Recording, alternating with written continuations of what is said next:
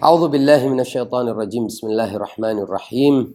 نحمده ونستعينه ونستهديه ونسترشده ونعوذ بالله من شرور أنفسنا ومن سيئات أعمالنا. من يهد الله فلا مضل له ومن يضلله فلا هادي له.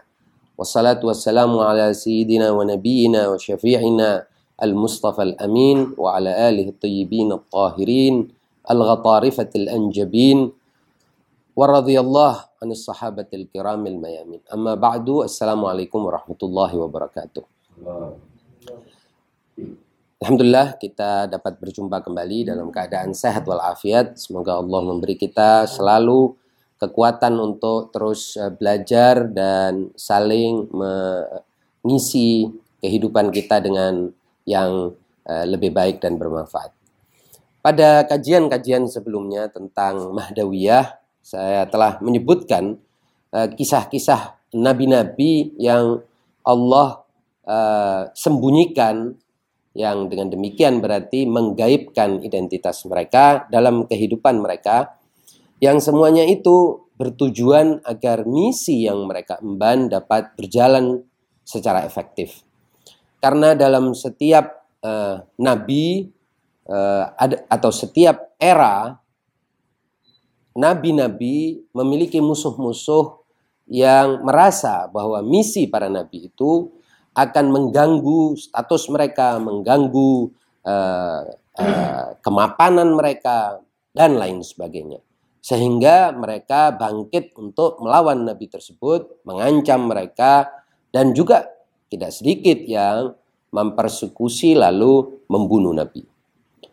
Di dalam Al-Qur'an uh, banyak sekali kisah yang menunjukkan bahwa umat yang kepada mereka Allah turunkan utusan untuk membimbing, memperbaiki kehidupan mereka, mengantarkan mereka kepada kebahagiaan di dunia maupun di akhirat, justru umat tersebut melawan sang nabi. Baik karena kesalahpahaman atau karena kebodohan di sisi umat itu atau karena elit dari umat itu merasa bahwa apa yang telah mereka dapatkan, status yang telah mereka miliki atau uh, ketaatan dan fanatisme umat pada mereka telah menimbul telah terguncang atau atau terancam eh, oleh kedatangan nabi tersebut. Karena semua nabi uh, baik uh, yang paling awal hingga yang paling akhir yaitu baginda Rasul Shallallahu alaihi wasallam memiliki misi utama tauhid, penyembahan kepada Allah. Dan misi tauhid ini tentunya adalah meniadakan eh, sesembahan-sesembahan, kekuasaan-kekuasaan yang palsu yang dibangun oleh elit untuk memperbudak masyarakat dan uh, atau umat di atau kaum-kaum di setiap era. Nah, oleh sebab itu kemudian Allah Eh, memiliki suatu sunnah atau kebiasaan atau suatu cara untuk menyembunyikan sang nabi, sang rasul dalam uh, suatu uh, pola, eh, memiliki suatu pola untuk menyembunyikan sang nabi, rasul dan pemimpin itu sehingga mereka cukup uh, siap dan umat juga mm, siap serta syarat-syarat kondisi dan situasi Eh, memungkinkan dia untuk dapat uh, melaksanakan misi secara lebih baik. Ini di antara yang terjadi pada umat-umat sebelumnya.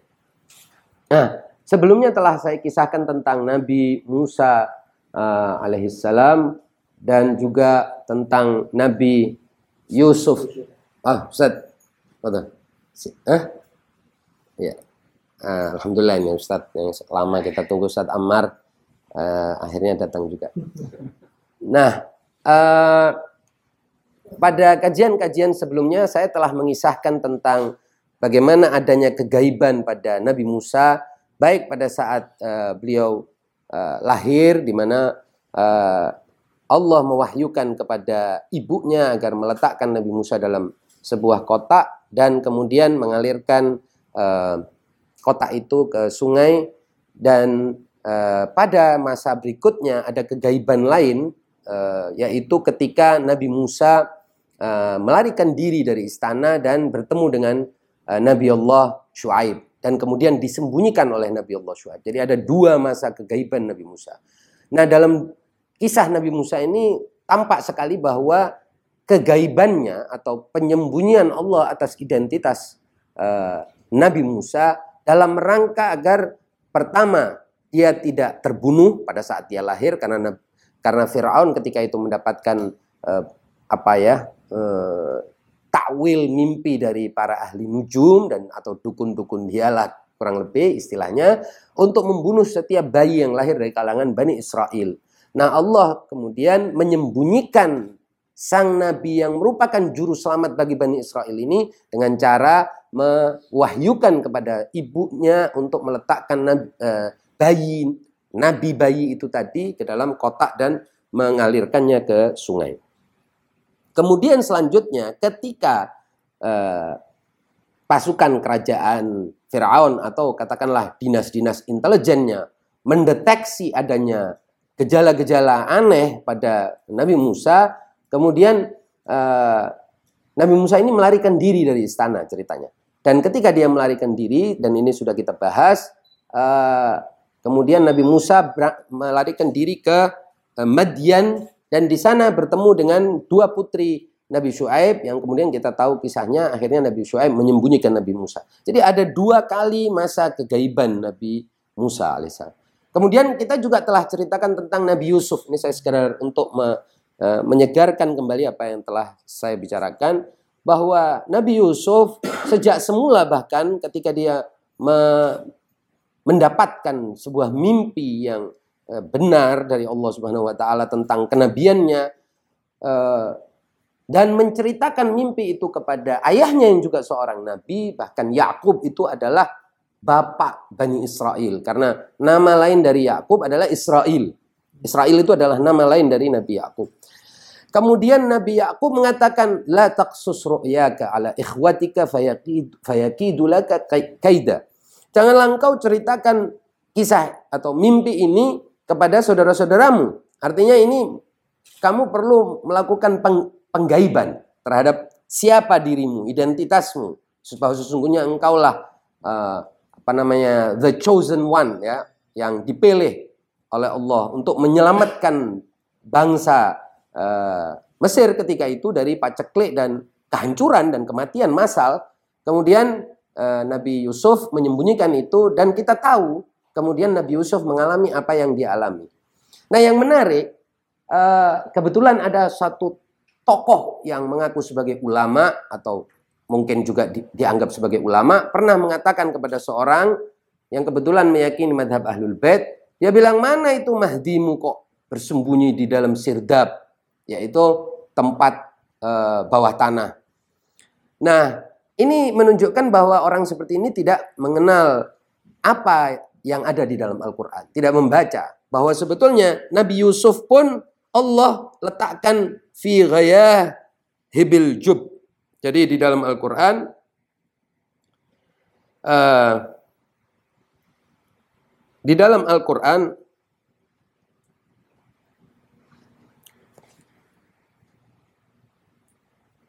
ghayabatil jub.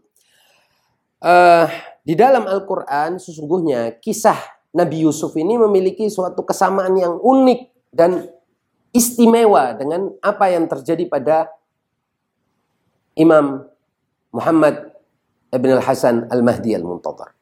Yaitu, dan ini menunjukkan orang yang mengolok-olok peristiwa kelahiran Imam Mahdi yang lahir di dalam sebuah sirdab atau ruang bawah tanah itu pun sudah direncanakan. Insya Allah nanti kita akan sampai kepada bab itu, bab menceritakan tentang kelahiran uh, Imam Mahdi.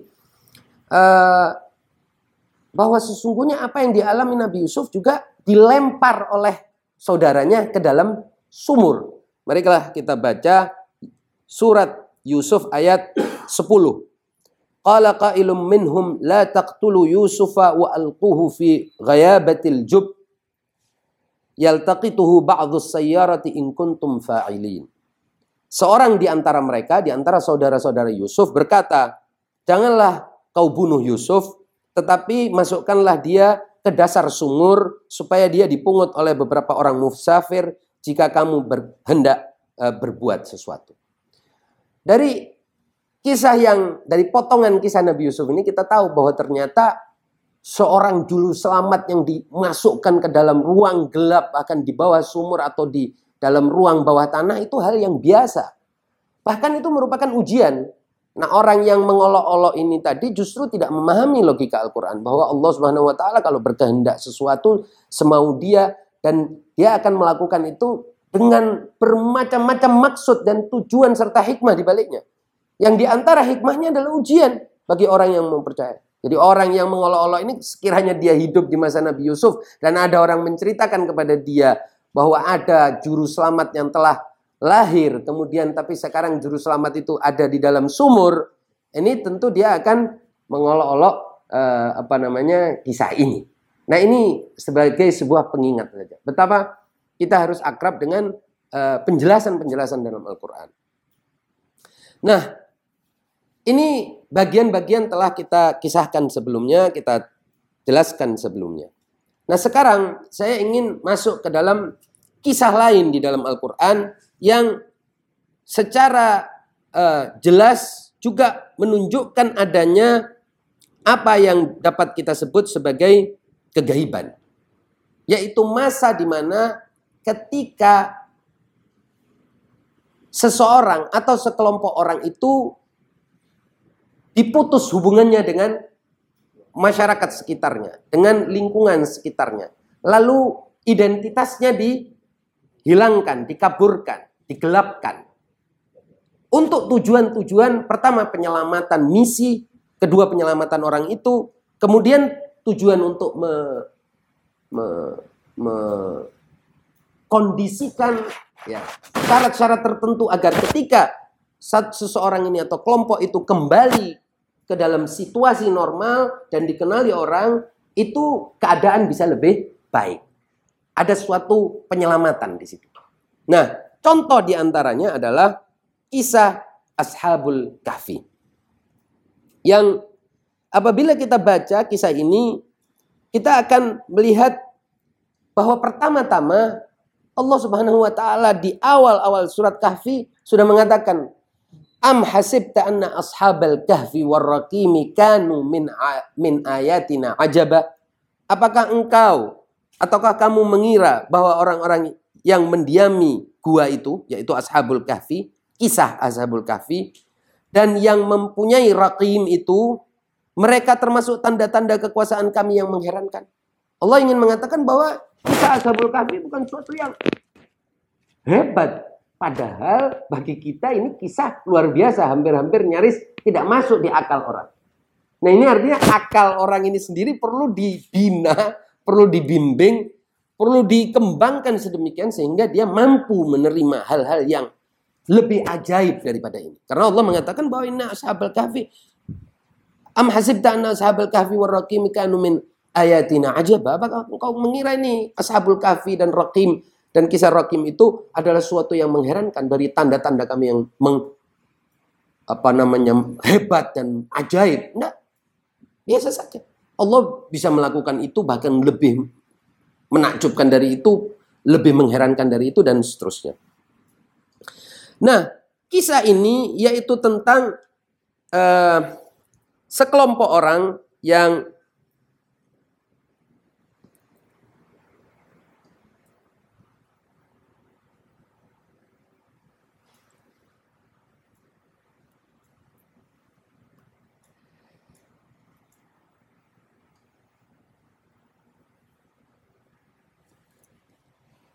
Kisah Ashabul Kahfi sesungguhnya adalah kisah tentang al-fityah.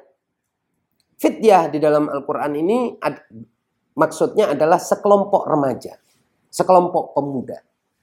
Yang ketika itu hidup di zaman di mana kekuasaan itu begitu bengis, represif, dan mempersekusi semua orang yang berusaha untuk melakukan perubahan atau yang melakukan perlawanan terhadap rezim yang represif tersebut. Allah mengatakan id awal fityatu ilal kahfi faqalu Rabbana atina min ladunka rahmah wa hayyi' lana min amrina rasyada. Ingatlah tatkala para pemuda, sekelompok pemuda mencari tempat berlindung ke dalam gua. Lalu mereka berdoa, "Wahai Tuhan kami, berikan berikanlah rahmat kepada kami dari sisimu dan sempurkan dan sempurnakanlah bagi kami petunjuk yang lurus dalam urusan ini." sekelompok pemuda yang sampai pada suatu kesimpulan bahwa mereka tidak mungkin melawan kezaliman yang ada. Betapapun usaha usaha telah mereka lakukan, tetapi kezaliman ini telah begitu, jadi begitu bengis, begitu hegemonik dan begitu mudah, begitu sensitif, begitu mudah tersinggung, begitu uh, apa namanya kalau zaman sekarang itu istilahnya begitu parno terhadap situasi apa pun yang terjadi di masyarakatnya. Kelompok pemuda ini tidak ingin jelas ikut dalam kemusyrikan, kezaliman, penindasan yang terjadi itu.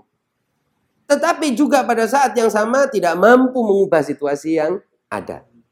Lalu mereka bergerak bersembunyi dari keadaan atau bergerak mengisolasi diri dan menyembunyikan diri mereka ke suatu gua. Jadi ini adalah suatu hal yang bukan saja aib, jelek, seperti kata sebagian orang, wah pengecut. Enggak. Ini justru sunnah yang biasa dilakukan oleh manusia-manusia beriman sebelumnya. Ya kan? Innahum fityatun amanu bi rabbihim wa zidnahum huda. Mereka adalah sekelompok pemuda yang beriman kepada Allah, lalu Allah memberi tambahan petunjuk kepada mereka. Nah, uh,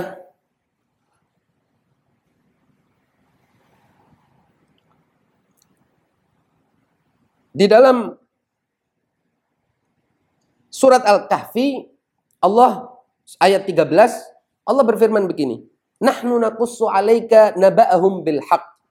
Innahum fityatun amanu birabbihim wazidnahum huda. Kami kisahkan kepadamu wahai Muhammad Rasul Shallallahu Alaihi Wasallam cerita ini dengan benar. Artinya ini bukan cerita sekedar cerita, ini cerita benar adanya. Cerita punya haqqaniyah, punya realitasnya, punya faktualitasnya, punya basis objektifnya. Sesungguhnya mereka kisah itu yaitu tentang Sesungguhnya mereka adalah pemuda-pemuda yang beriman kepada Allah. Fityatun itu jamak dari fata. Fata jamaknya fityah. Fata adalah pemuda. Fityah artinya pemuda-pemuda, kalangan remaja. Yang beriman kepada Tuhan mereka dan kami tambah pula untuk mereka petunjuk. Jadi sekelompok pemuda ini beda dengan yang saya ceritakan sebelum-sebelumnya tentang Nabi Musa, Nabi Isa, bahkan sebetulnya kita kisah yang sama juga terjadi pada Nabi Yunus, tapi kita terlalu panjang kalau kita ceritakan mereka semua atau mungkin kalau ada waktu kita juga bisa kisahkan.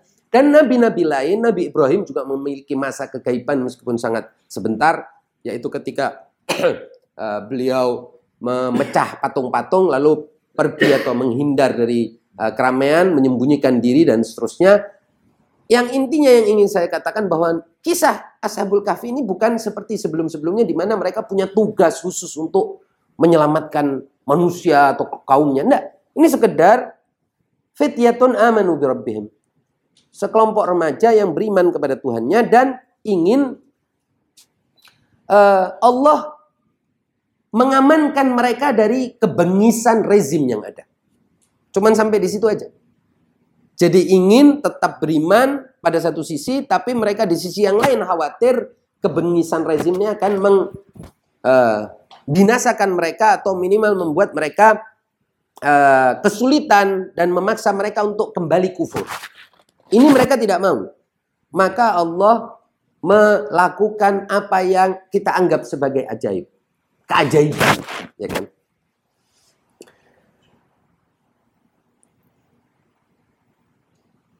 Yaitu apa? Yaitu fadarabna ala adhanihim fil kahfi sinina adada. Jadi di ayat 10 tadi sudah saya baca kita berbicara tentang id awal fityatu ilal kahf yaitu sekelompok orang masuk ke dalam gua untuk mencari tempat perlindungan untuk berlindung dari represi eh, kekuasaan yang ada, persekusi kekuasaan yang ada dan lain sebagainya. Lalu mereka berdoa dan seterusnya sudah saya bacakan. Lalu apa? Fadharabna ala adhanihim fil kahfi sinina adada. Lalu kata Allah, kami tutup telinga mereka, dharabna ala adhanihim. Ini kata dhoroba dalam bahasa Arab ini punya banyak makna. Jadi luar biasa sebetulnya istilah-istilah yang digunakan, apa kata-kata yang digunakan dalam Al-Quran.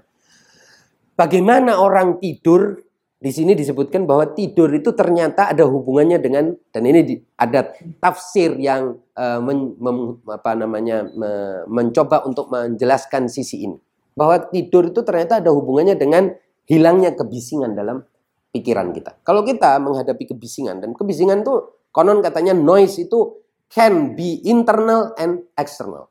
Apabila dalam masa kita sebelum tidur itu ada kita mengalami kebisingan baik internal maupun eksternal maka kita akan kesulitan tidur. Oleh sebab itu tidur terkait erat dengan telinga. Dalam hal ini adalah kesenyapan, kesunyian. Makanya orang kalau mau tidur cepat harus dalam situasi yang senyap dan sunyi, dalam hening, maka cepat. Di sini Allah menunjukkan bahwa kami tutup telinga mereka. Artinya tidur itu juga ada kaitannya dengan telinga, bukan hanya dengan mata. Banyak orang tidur cuman matanya aja tapi sebetulnya bukan tidur, itu tidur ayam misalnya. Tapi telinganya mudah terbangun. Ini ini salah satu apa penjelasan yang kebetulan saya baca di salah di eh, tafsir-tafsir yang ada. Dan memang menarik sebetulnya kalau kita amati tentang ilmu tidur ini sampai sekarang sampai detik ini. Saintis-saintis itu masih menganggap bahwa tidur itu sebuah misteri. Dan mengapa Allah Subhanahu wa taala di dalam Al-Qur'an menyebutkan bahwa Allah itu la ta'khudhuhu sinatun wala naum. Artinya tidak terkena kantuk dan tidak terkena tidur. Apa maksudnya kantuk? Ini sampai sekarang saintis belum bisa menjawab. Apa itu sinat? Apa itu gejala orang sebelum tidur? Persisnya simptom-simptom apa yang menghampiri seorang yang dalam keadaan ngantuk Apa bedanya itu dengan orang sakit, lemah? Ya, apakah tidur yang wajar itu mengalami kelemahan dulu dan sebagainya ternyata ilmunya masih berjauh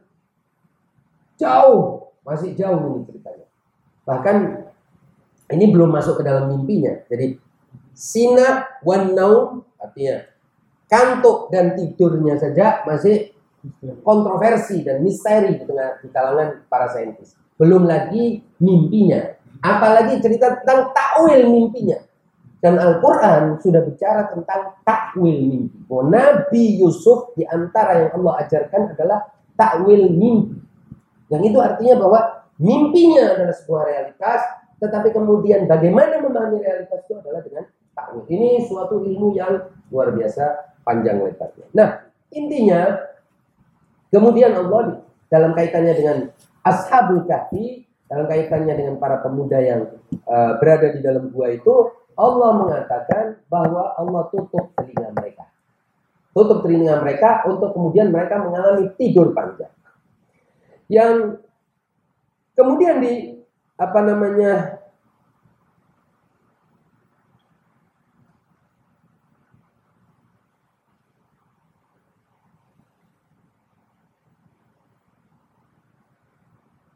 Kemudian dalam ayat selanjutnya, apabila kita baca ayat 16, Allah mengatakan begini. Dan apabila kamu meninggalkan mereka dan apa yang mereka sembah selain Allah, maka carilah tempat berlindung ke dalam gua itu. Allah jadi mengatakan kepada mereka, wa idza tazaltumuhum wa ma ya'buduna illallah fa'awu ila al-kahfi yanshur lakum rabbukum min rahmatihi wa yuhayyi lakum min amrikum mirfaqa. Yang di, yang menarik di sini adalah Allah di dalam ayat ini menyuruh mereka untuk ayo pergilah kamu jauh-jauh dari para kaum eh, para eh, penguasa dan kaum yang menyembah selain Allah itu tadi yang melakukan segala daya upaya untuk membinasakan, merusak, menghabisi siapa saja yang ingin mengubah keadaan, eh, mengajak mereka kepada tauhid, mengajak mereka pada penyembahan kepada Allah dan lain sebagainya, kamu hindari aja lah mereka. Pergilah ke gua, eh, hindari mereka, pergi ke sana. Apa Allah bilang kemudian? Niscaya Tuhanmu akan melimpahkan sebagian rahmatnya kepadamu dan menyediakan sesuatu yang berguna bagimu dalam urusan kalian, dalam urusan.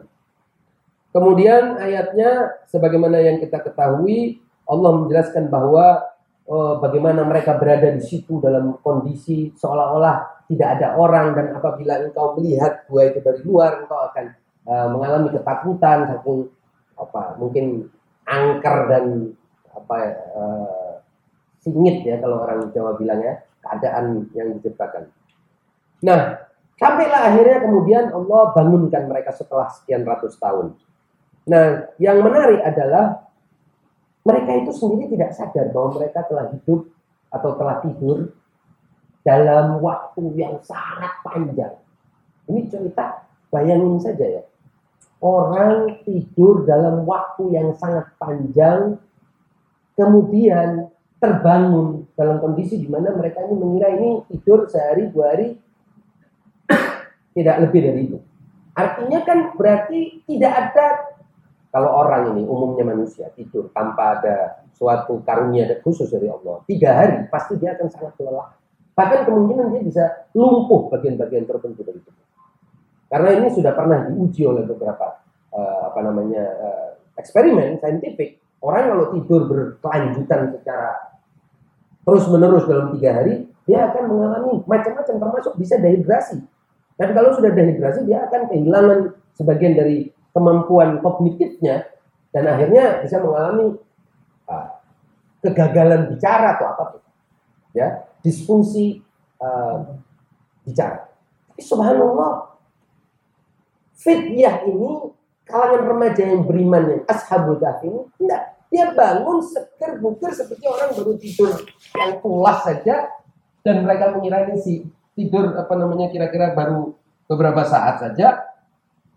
Kan ya salah di antara mereka ada yang bertanya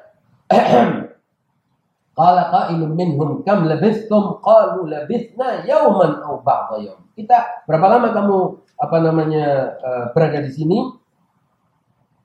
Mereka menjawab, kita berada di sini mungkin satu hari atau hanya beberapa hari. Jadi tidak ada tanda-tanda di mana mereka itu menunjukkan pemuaian atau penyusutan badan atau apa ini luar biasa. Jadi salah satu di antara juga yang uh, itu tadi Allah sebutkan bahwa mereka akan dirahmati oleh Allah dan akan Allah beri suatu perlindungan dan lain sebagainya. Dia bukan hanya perlindungan dari musuh tapi juga secara internal mungkin struktur biologis dia sel-sel tubuh dia, metabolisme tubuh dia, uh, adrenalin dia, al, uh, aliran darah dia dan lain sebagainya itu terjaga semuanya. Intinya begitu.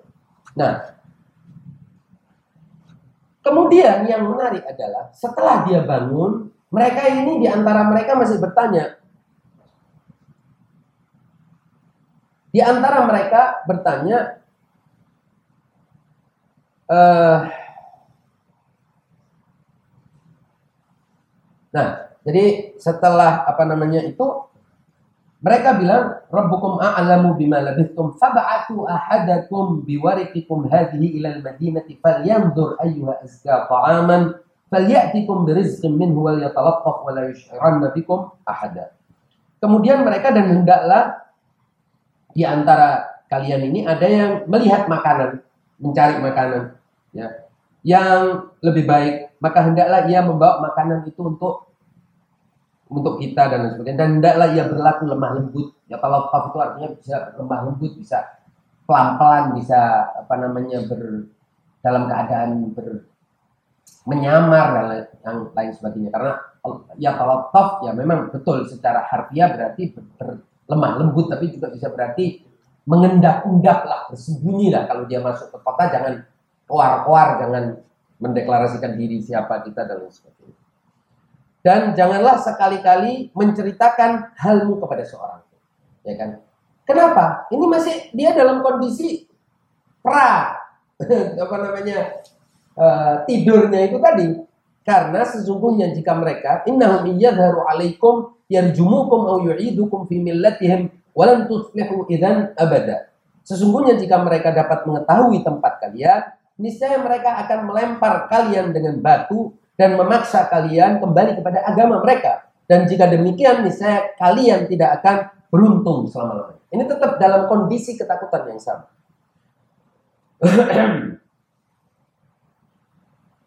nah, tapi kemudian a'tarna 'alaihim liya'lamu anna wa'dallahi haqq wa anna as-sa'ata la raiba fiha idh yatanaza'una bainahum amrahum faqalu ibnu 'alaihim bunyana seterusnya tapi ternyata kemudian keadaan di luar sana masyarakat telah mengalami perubahan luar biasa.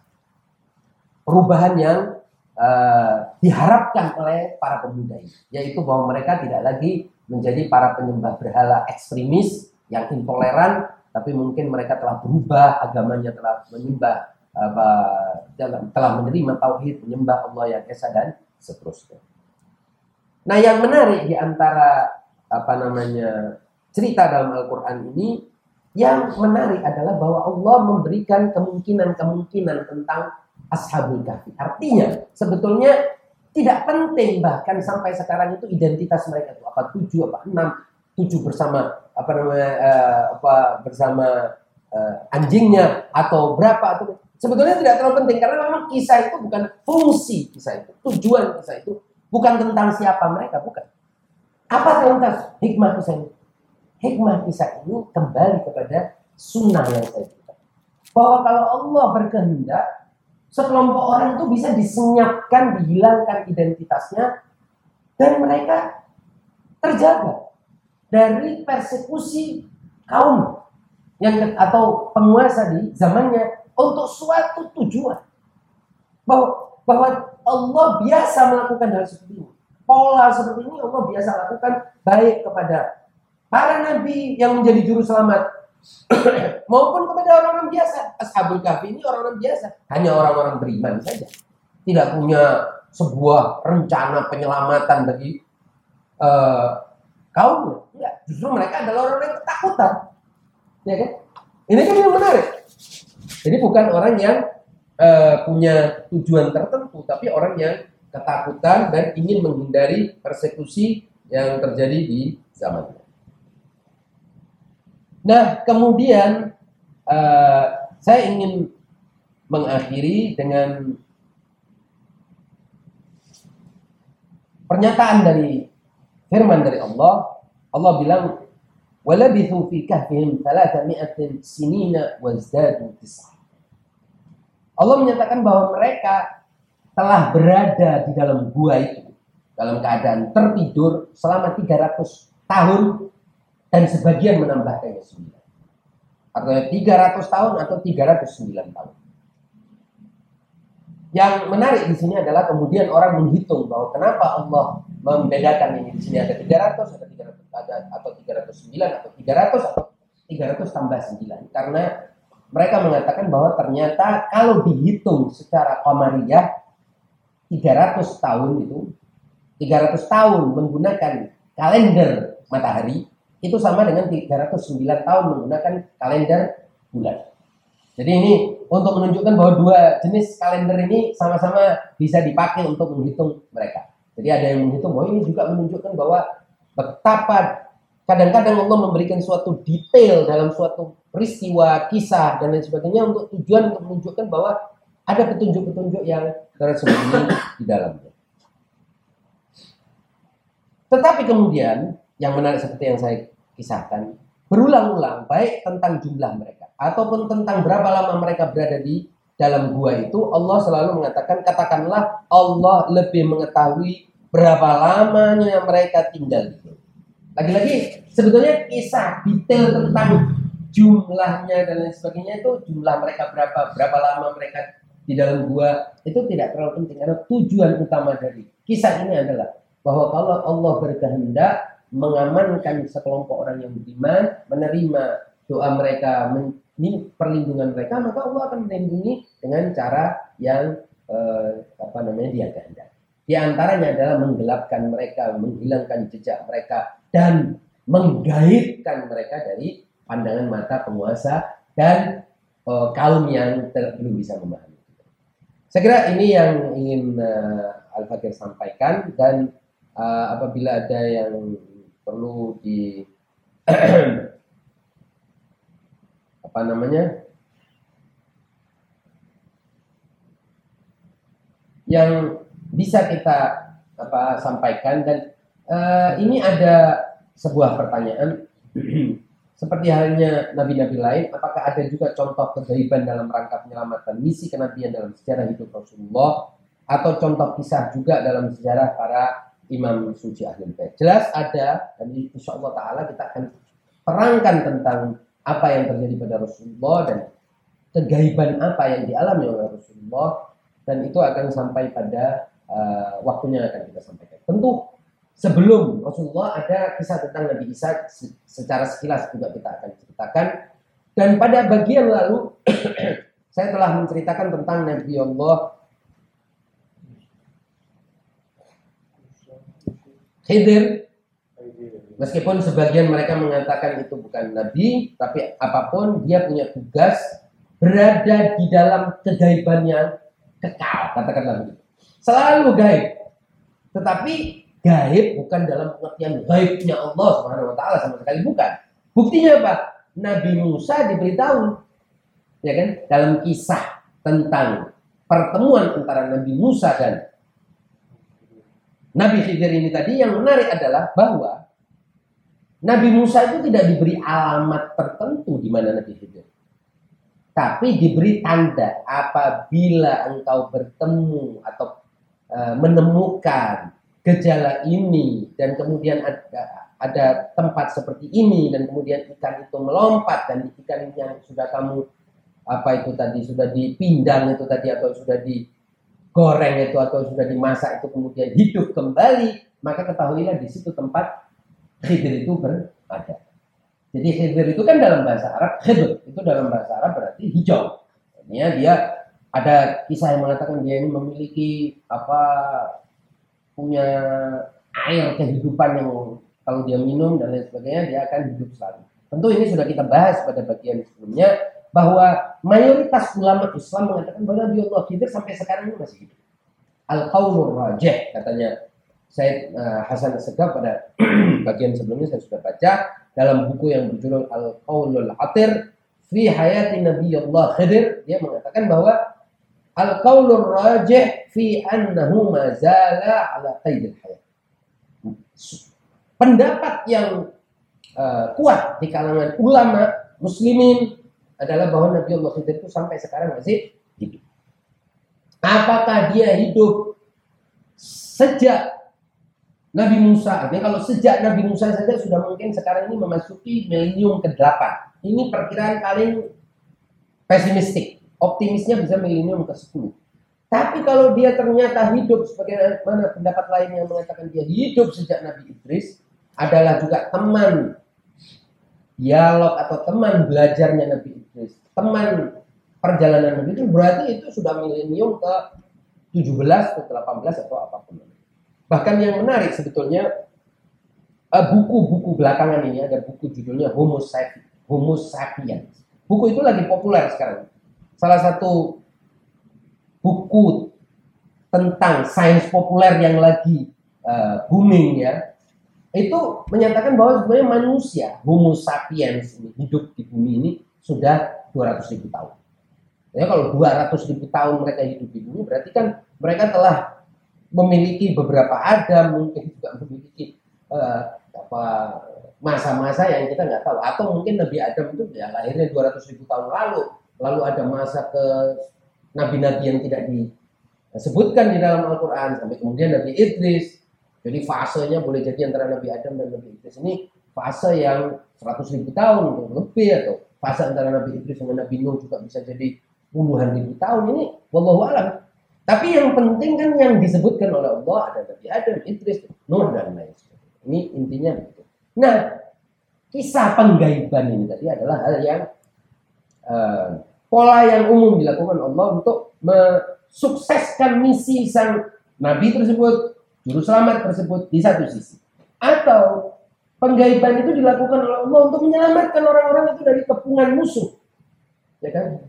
Karena contoh dari Ashabul Kahfi ini bukan orang sedang mau melakukan misi penyelamatan betul enggak ini orang-orang yang ketakutan ingin beriman kepada Allah tapi takut eh, penguasa dan umat atau kaumnya tidak bisa menang. Insya Allah pada kesempatan-kesempatan lain saya akan sampaikan. Ustaz Ammar, betul kalau ada yang mau ditambahkan Ustaz. Ustaz Ammar, betul. Ya.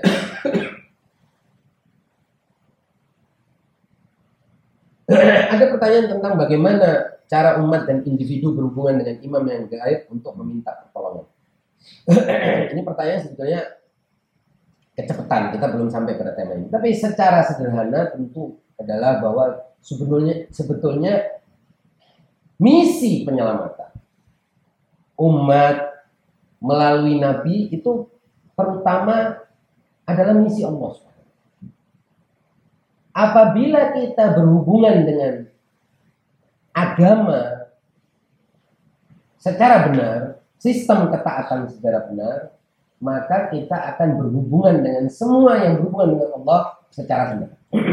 Tapi kalau kita tidak berhubungan, tidak mengaplikasikan dan tidak memiliki ketaatan dalam sebuah sistem itu, maka sebetulnya kita jangan minta enaknya dari sistem itu.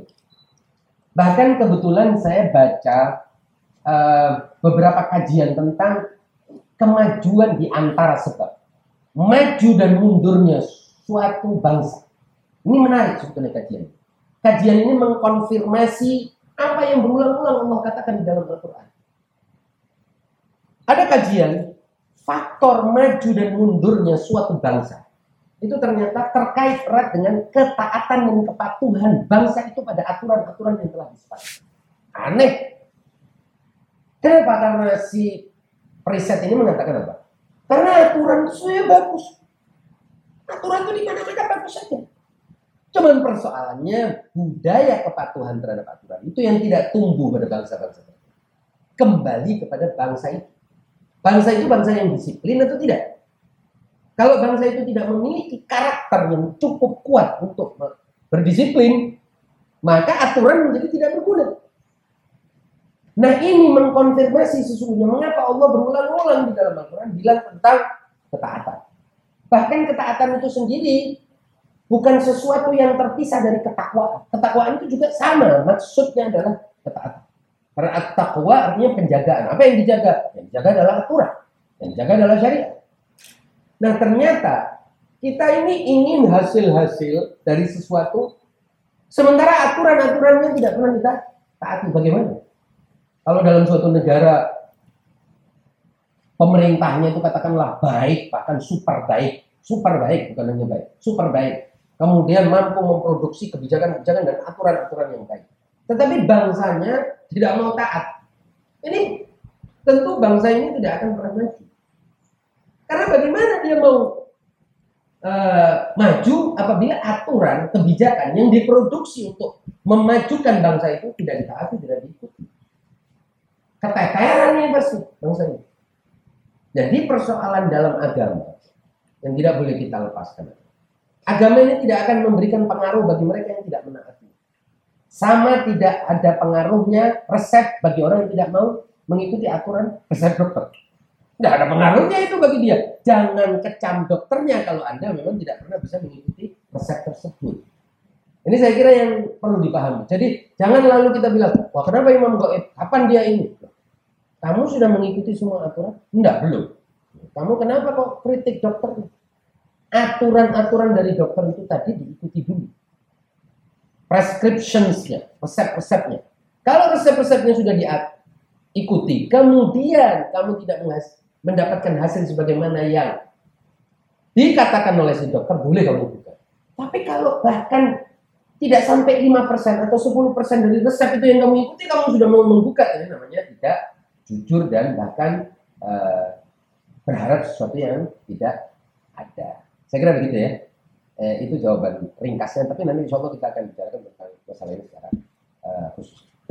Demikianlah uh, Mohon maaf atas segala kesalahan dan kekurangan. Subhana rabbika rabbil izzati amma alamin. Wassalamualaikum